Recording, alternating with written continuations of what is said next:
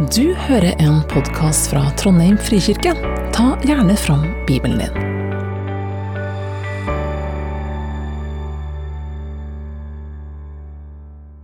Og det er Jesus som snakker til oss og til deg. Kom til meg, alle som strever og har tungt å bære, og jeg vil gi dere hvile. Ta mitt åk på dere og lær av meg, for jeg er saktmodig og ydmyk av hjerte. Så skal dere finne hvile for deres sjeler. For mitt åk er gagnlig, og min byrde er lett. Amen. Vær så god og sitt. Og pastor Lise, da gleder vi oss til å høre din utleggelse av teksten.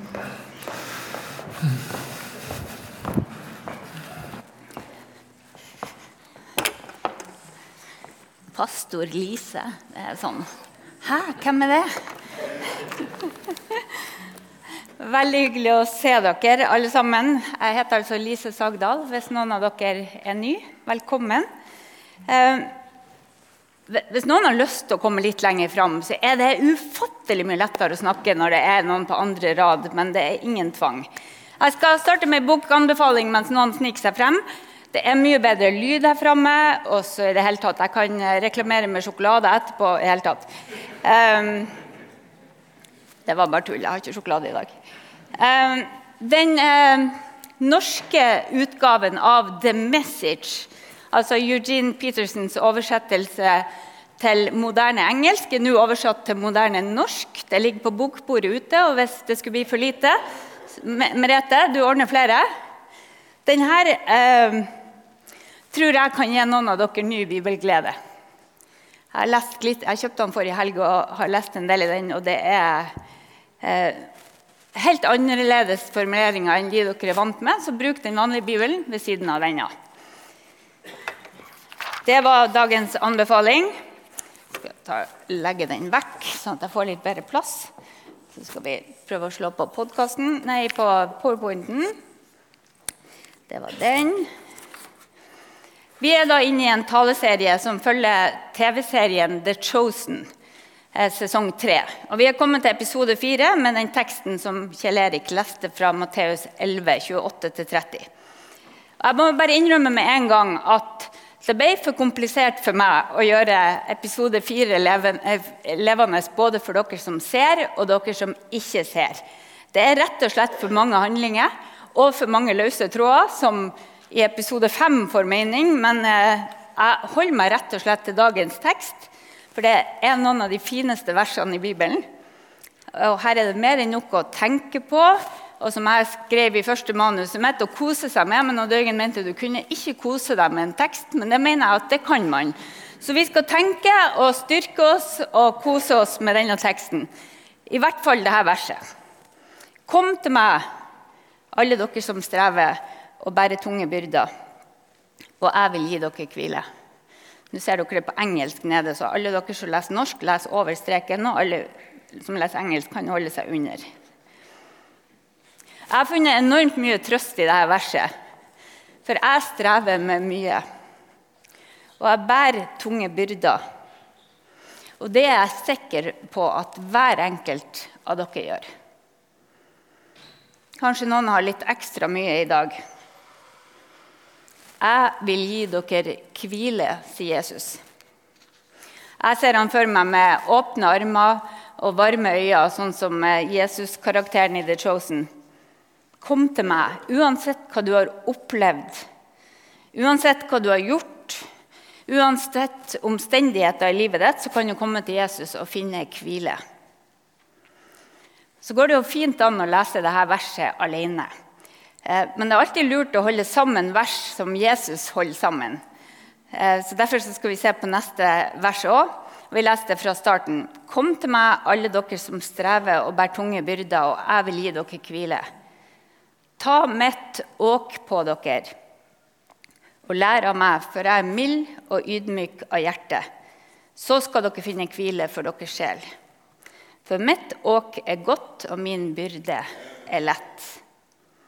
Så hva er et åk, da? Det må man vite. Eh, jeg tok fram dette bildet. Et åk er et redskap. Og her er en variant av åk. Det finnes I The Chosen så ser dere de går med åk på skuldrene når damene skal bære vann.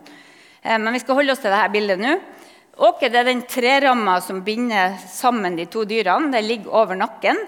Eh, det var lagt typisk på to okser eller to hester, sånn at de skulle trekke plogen eller vogna.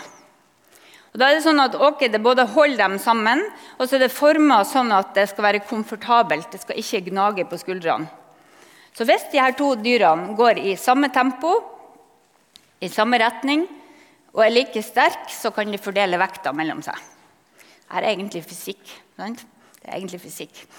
Eh, åk kan brukes som, eh, som et eh, I overført betydning så betyr åk samarbeid. Det er ei betydning av åk. Og alle som drev med gård hadde, og hadde dyr på Jesu tid, de hadde sånne åk. De hadde gjerne eh, ett åk for hvert par av okser, og så hadde de noen i reserve. Og Siden Jesus var sønn av en snekker, så er det grunn til å tro at Jesus har vært med å lage mange åk i snekkerbua til pappaen Josef. Og alle som hørte Jesus snakke, når han sa åk, så visste de hva åk var.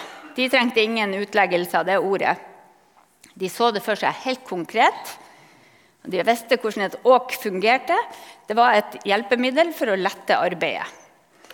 Eh, så Det var den første betydninga av åk, samarbeid. Og så var åk også en metafor for en rabbis tolkning eller lære. Og Nå er vi på overført betydning. Altså, Hver rabbi Jesus var en rabbi, hadde en lære. Og det var en, en tolkning av eh, Moseloven som han forventa at disiplene hans skulle leve etter. Og husk at Disipler på den tida var ikke bare tilhørere.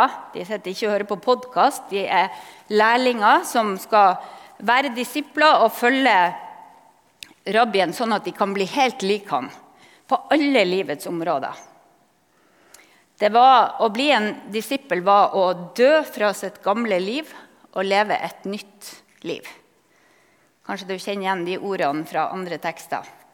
Så de her Lærlingene de øvde seg på å bli sånn som rabbien. De fulgte etter, og så kopierte de rett og slett atferd, meninger og lære inntil det var så innøvd at de spontant gjorde det samme som rabbien. De øvde og øvde til det satt. Og Noen rabbier hadde strengere lære enn andre. De hadde høyere standard og flere regler. I jødisk tradisjon var det 613 bud i Mosebøkene. Og På toppen av det hadde fariserene og de skriftlærde lagt mange muntlige lover og tradisjoner som regulerte hvordan man skulle oppføre seg i enhver situasjon. i alle deler av livet. Og Noen rabbier de hadde masse ekstra regler. Det mest ekstreme jeg har lest om, det er de som hadde, eh, de hadde sagt at disiplene måtte ha bind for øynene, sånn at de ikke kom i skade for å se på ei kvinne med lyst. Og De ble kalt for de, eh, de, de blodige disiplene, for de snubla jo hele tida. Um, så, så, så, det var noen sånne ekstreme avarter der rabbien sa at for at du ikke skal uh, bryte ekteskapet, så må vi passe på at du ikke har noe med damer å gjøre, og så må vi passe på at du ikke ser på dem engang hvis de er på avstand. Så Sånn kunne de sette opp regler for at du skulle, bryte, for at du skulle unngå å bryte de viktigste reglene. Så et åk var en rabbis tolkning. Det visste de som hørte på. Og Jesus var en rabbi. Jesus har en lære, et åk. Og Så var det et tredje betydning av åk, og det var slaveri eller undertrykkelse.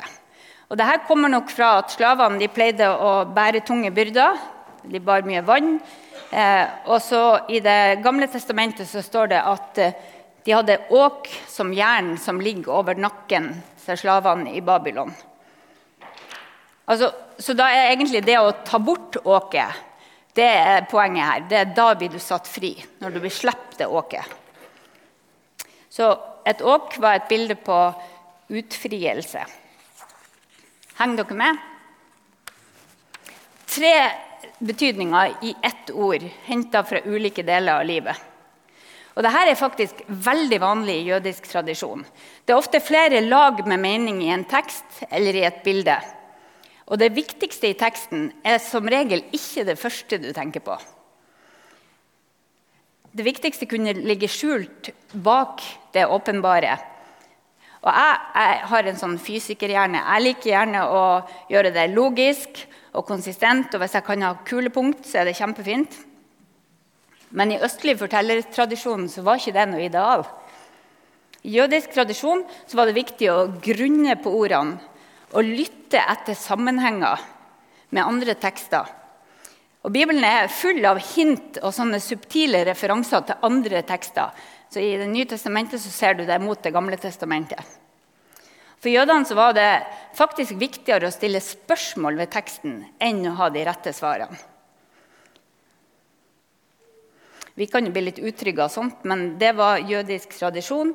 Du kunne undre deg over ordene og meninga, og så var det skjulte, tekster, nei, skjulte skatter i tekstene. Og Spesielt tydelig er det her i Matteus. Og det må du vite når du leser Matteusevangeliet, så er det skrevet for jøder, av en jøde, Matteus, og om en jøde, Jesus. Så det er det mest jødiske og mest eh, Der har du flest av de her hintene.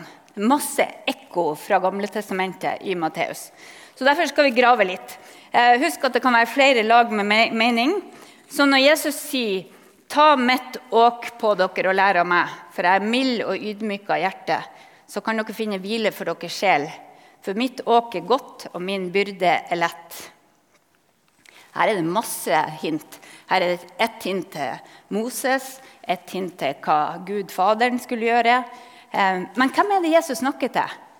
Jo, det er akkurat de som Kjell Erik nevnte, de umyndige. Han snakker til vanlige folk som eh, er spent på hva han skal si og hva han skal gjøre.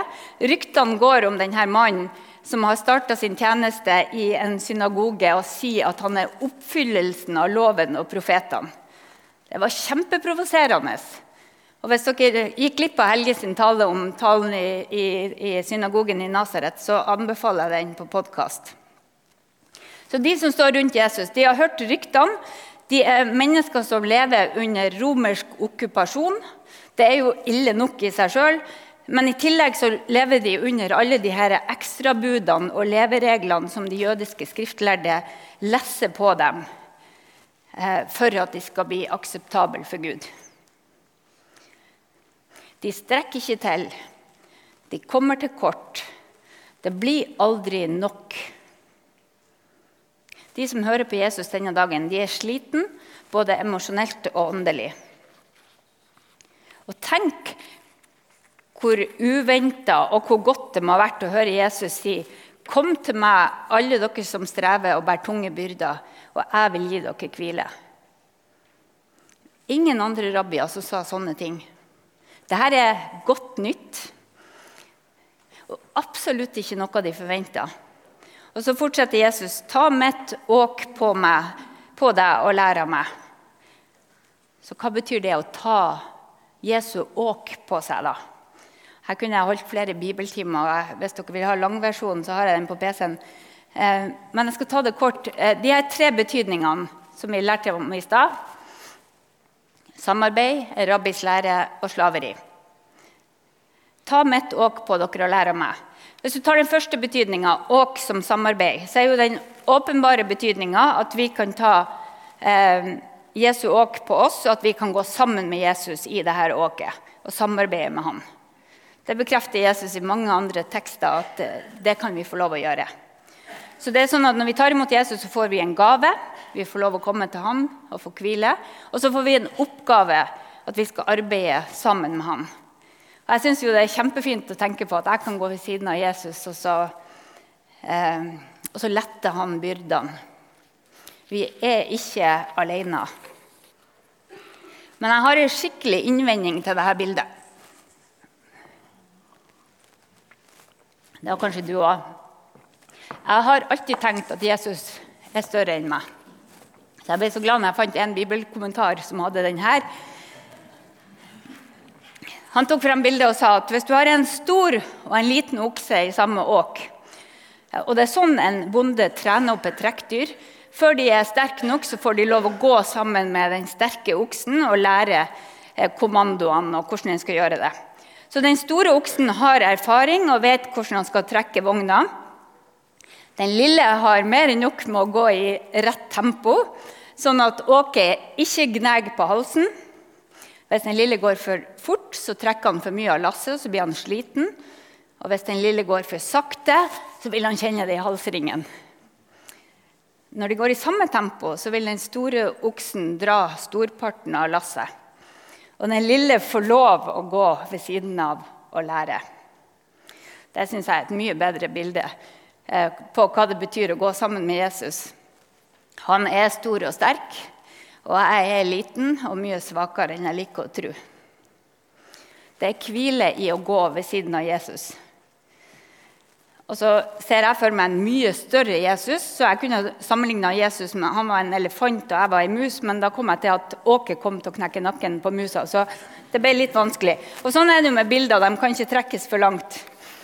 Hva er den neste betydninga av åk, da? Ta mitt åk på deg. Hvis åket lærer, da. Ta min lære på deg, og lær av meg. Hva er Jesus sin lære? Da slår vi opp i Matteus 5, 17 og hører hva Jesus sier sjøl. Han sier, 'Tru ikke at jeg kommer for å oppheve loven eller profetene.' 'Jeg er ikke kommet for å oppheve, men for å oppfylle.' Og hva skulle han da oppfylle? Det kan vi lese om i Matteus 22, 37. Der blir Jesus spurt om hva er det største budet i loven. Og han svarer du skal elske Herren din Gud av hele ditt hjerte og av hele din sjel og av all din forstand. Dette er det største og første budet, men det andre er like stort. Du skal elske din neste som deg sjøl. På disse to budene hviler hele loven og profetene. Så var det jo ingen mennesker som kunne elske sånn. Men Jesus gjør det. Han blir menneske, lever et helt liv uten synd. Han er fullkommen kjærlighet. Og så gir han sitt liv for å bekjempe døden og dødsrikes krefter, sånn at vi får lov å leve sammen med han, nå og i evighet. Sånn oppfyller Jesus loven. Han kommer og gjør det vi var bedt om å gjøre, og som vi aldri klarte. Og så er det én dimensjon til her. Nå blir det litt mer komplisert å henge med. Men åke som Jesus legger på seg, ikke en lære med nye krav. Åke som Jesus legger på seg, ikke en lære med nye krav. Nei, Åke er en person. Det er Jesus sjøl. Han er det gode åket som binder oss sammen med Gud. Og dette er nåde. Vi får lov til å ha en relasjon med Jesus, med Gud som ikke avhenger av hva det vi har gjort, men hva Jesus har gjort. Jesus har gjort alt som trengs for at vi skal få være Guds barn. Og så inviteres vi 'Kom til meg'. Han tilbyr seg seg sjøl. Han tilbyr oss seg sjøl. Ikke en ny religion, men en person. Ta mitt åk på deg kan da bety ta meg på deg og lære meg. Og Hvis jeg syns jeg strekker det bildet litt langt, så husk hvor, hvor, hvor, ekstremt det blir når Jesus forlater jorda. og Han gir oss Den hellige ånd, som skal ikke bare være ved siden av, men i oss. Altså, det hellige ånd kommer og bor i den som tror. Vi sang i, i den sangen i stad eh, Kraften som overvant døden, leve i den som er hans. Så vi kan få lov å ta på Jesus, og da vil krafta som har overvant døden, lever i oss. I høst så leste vi av Efeserne, og eh, man trekker fram ett vers derifra, eller to vers. Efeserne 4, 22, der står det Lev da ikke som før, men legg av det gamle mennesket som blir ødelagt av de forførende lystene. Bli ny i sjel og sinn. Kle dere i det nye mennesket som er skapt i Guds bilde til et liv i sann rettferd og hellighet. Så jeg bruker, bruker Paulus eh, bilder som å legge av det gamle og kle på det nye. Hører du ekko av 'ta mitt åk på dere'? Ta meg på dere. Den tredje betydninga, åk som symbol på slaveri. Jesus setter mennesker fri. Slaveriet under synd er over. Og døden har ikke siste ordet lenger. Så vi er fri til å leve et nytt og bedre liv.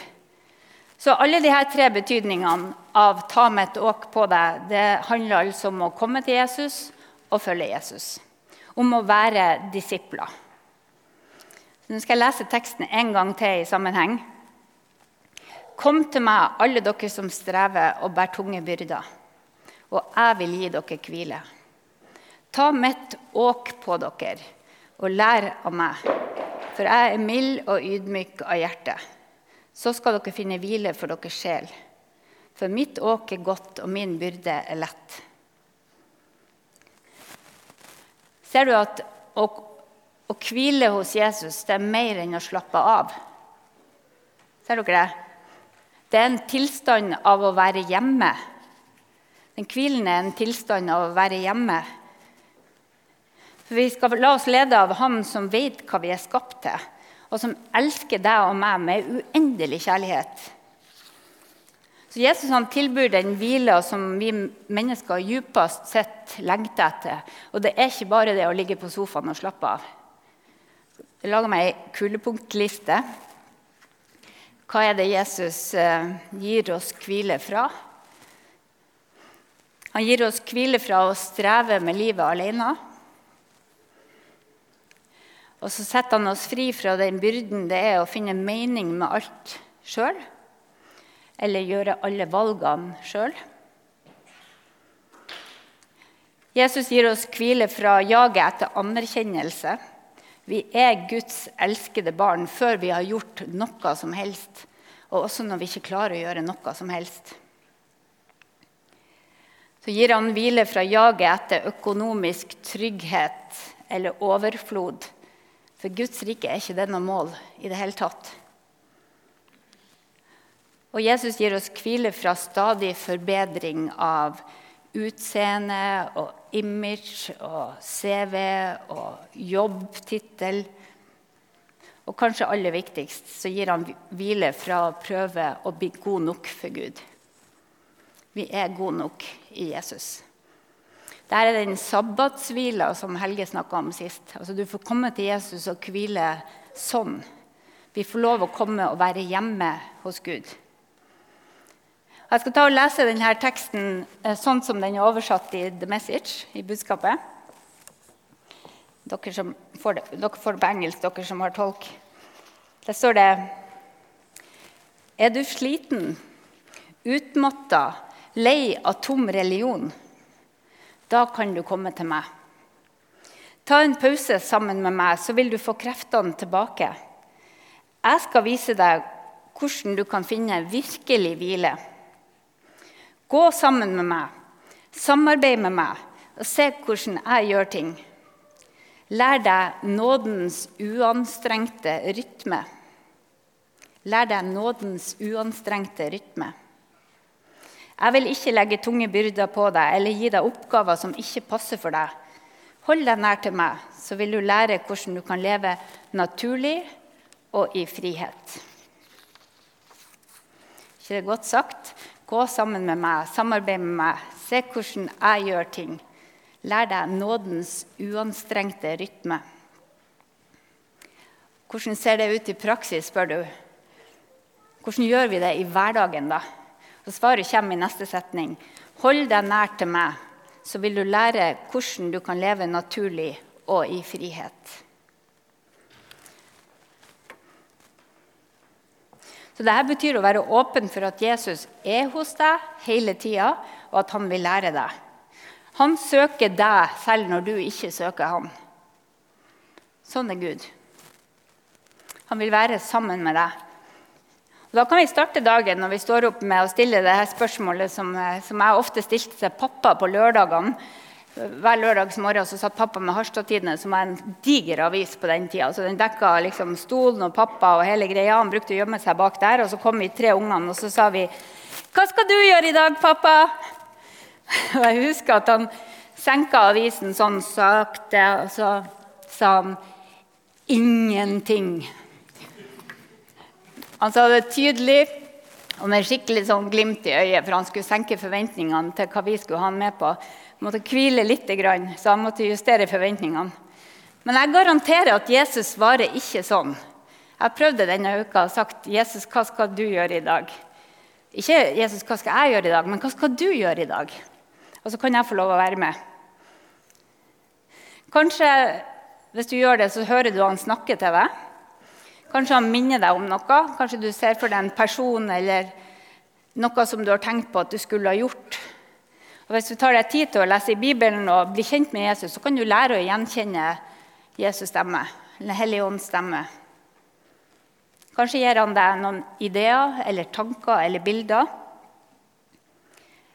Sånn at du kan få lov å starte dagen med å forvente at han vil lede deg.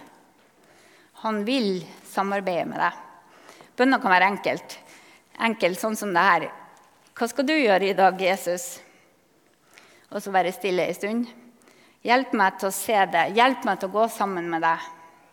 Hjelp meg til å se hvordan du gjør ting. Når vi setter av tid til å være sammen med Gud i Bibel og bønn og i fellesskapet og i nadvær, da lærer vi denne nådens uanstrengte rytme. Og Kanskje fastetida som starta denne uka, er en perfekt tid til å komme i gang med noen nye, gode vaner der du inviterer Jesus inn i det daglige livet ditt. Jeg vet at Noen av dere har det her helt på plass, og noen av dere hadde det på plass, men det er ikke der nå. Så det er ikke noe press, men en invitasjon til et enda rikere liv. Lær deg nådens uanstrengte rytme. Mine tips er å lytte til Bibelen på lydbok. For da blir jeg tvunget til å ta det inn i en annen kanal. Eh, og gi deg sjøl lov, lov til å be når du trener, når du går tur og når du kjører bil. Så kan du bruke musikk og sang som kan forandre stemninga i deg og rette liksom, trigge takknemlighet. Eh, jeg brukte det aktivt når vi skulle ha bibelgruppe hjemme og ungene sloss. Så satt jeg på lovsang, og så ble det bestandig fredelig i huset. Så, sånn, jeg må bruke det for å hjelpe meg sjøl til å rette blikket mot Jesus. Og så kan du bli minnet om sannheten som at du er elska, og at Jesus mente alt han sa. Så Øve inn en rytme kan være kjempelurt. Du kan starte i det små. Så hvis du ikke har gode vaner med bibel, bønn og stillhet, så, eller kanskje de vanene du hadde, ikke fungerer lenger, for livet har forandra seg. Så prøv noe nytt. og Det ligger en del bøker ute på det bokbordet som kan gi noen tips til sånne daglige liv med Jesus. I Bibelen kan vi se hva Jesus gjorde for å leve i Guds vilje og Guds kraft. Det er fint illustrert i denne TV-serien The Chosen. Vi ser at Jesus han, eh, trakk seg tilbake for å be. Han var alene med Gud i stillhet. Og så brukte han tid sammen med vennene sine. altså Fellesskap var viktig for Jesus. Han leste Skriftene. Han kunne store deler, kanskje hele Gamle testamentet utenat. Han var ute i naturen. Det syns Odd Jørgen var unødvendig å ta med. Men jeg tenker vi som sitter inne for mye, det å være ute i naturen og se soloppgangen og solnedgangen og høre alt som skjer i naturen, eller se det, det tror jeg er viktig for å holde seg nær til Gud. Og så nøt han mat og drikke med både kjente og ukjente. De, de beskyldte han for å være en drukkenbolt, så han må jo ha det festlig. Og så levde han hviledagen forskjellig fra de andre dagene. Alt dette kan vi gjøre. Og det er ikke plikter eller krav, men det er kanaler for nåde. Kanaler for nåde. Det syns jeg var et så fint uttrykk. Og dette det påvirker jo livet ditt og de du lever sammen med. Og jeg skal fortelle to korte historier fra Frikirkens lederkonferanse der jeg var forrige helg. Eh, da var det to av mine kolleger, Astrid Fjelly Lande og Hanne Marie Moi. De jobber begge i Frikirka i Fribu, og, eh, Astrid jobber som eh, pastor. Og de skulle fortelle da, Hele temaet for konferansen var modig lederskap, men med utgangspunkt i sårbarhet og ting vi ikke lykkes med. Så Astrid hun er ei ung trebarnsmor. Jeg tror ikke hun har runda 30. Og så er hun pastor, og så har hun en mann som arbeider turnus. Og hun hadde ett tips til hvordan, eh, hvordan, hun kunne finne ro med, med Bibel og bønn. Hun sa at når mannen min har vakt, så lar jeg ungene sove på stua. Og da finner jeg ro når de har sovna. Så sitter jeg og ser på dem. Eh, og når du sitter og ser på sovende barn, så kan du, kan du ikke begynne å gjøre så veldig mye. Så, så, da fant jeg ut at jeg skal bruke denne tida mens de sover i stua, til å til å snakke med Gud, be og lese i Bibelen. Og Hver gang oppvaskmaskinen eller støvsugeren kalla, så hadde hun jo de her ungene som holdt henne i ro. Det synes jeg var genialt. Jeg vet ikke om det har funka for meg, men kanskje det funker for noen av dere. Den andre historien det var det Hanne Marie som fortalte om. Hun, hun møtte jeg på eh, samme konferanse i fjor. og Da hadde hun en stor, god mage. Syv måneder på vei. Um, spurte litt om når hun hadde termin, og sånn, og hun delte det. Og så sa hun det at, um, at hun hadde fått beskjed om at hun skulle inn på sykehuset dagen etterpå, for de var ikke helt sikre på om alt sto bra til med babyen.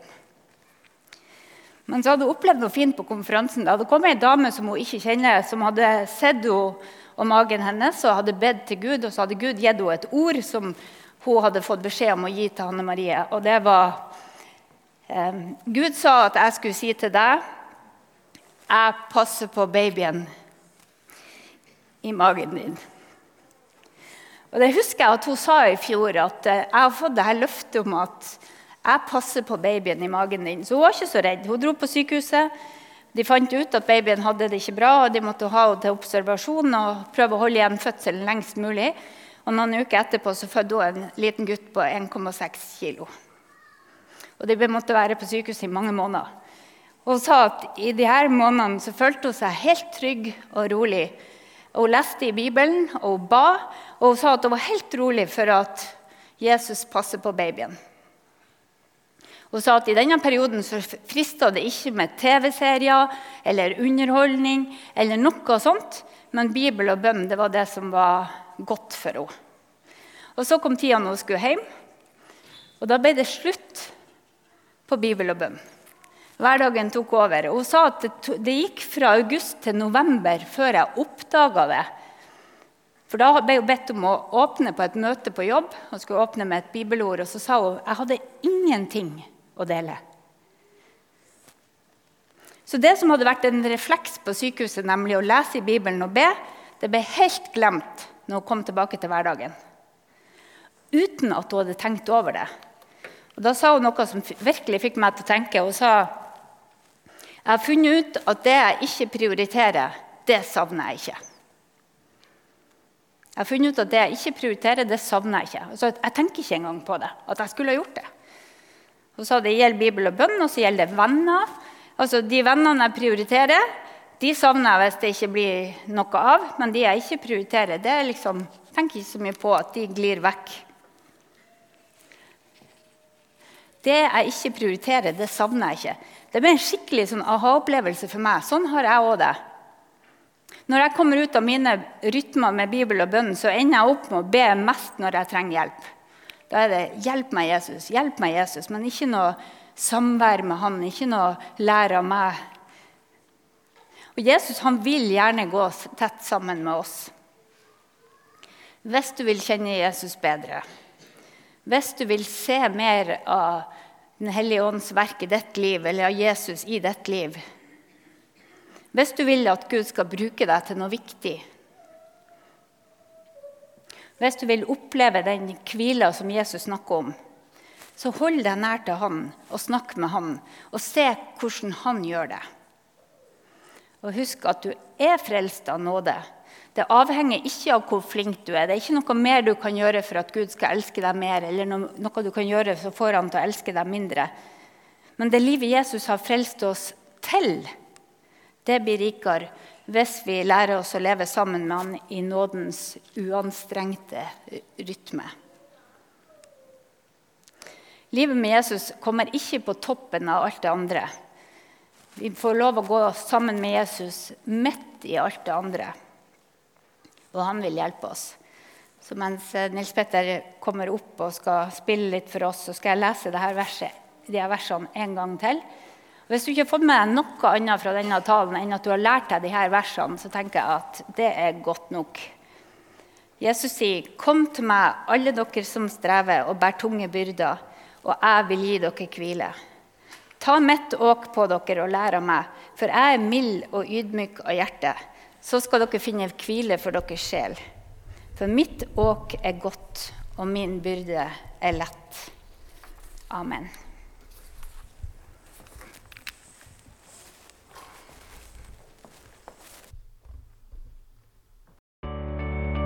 For at du hørte på.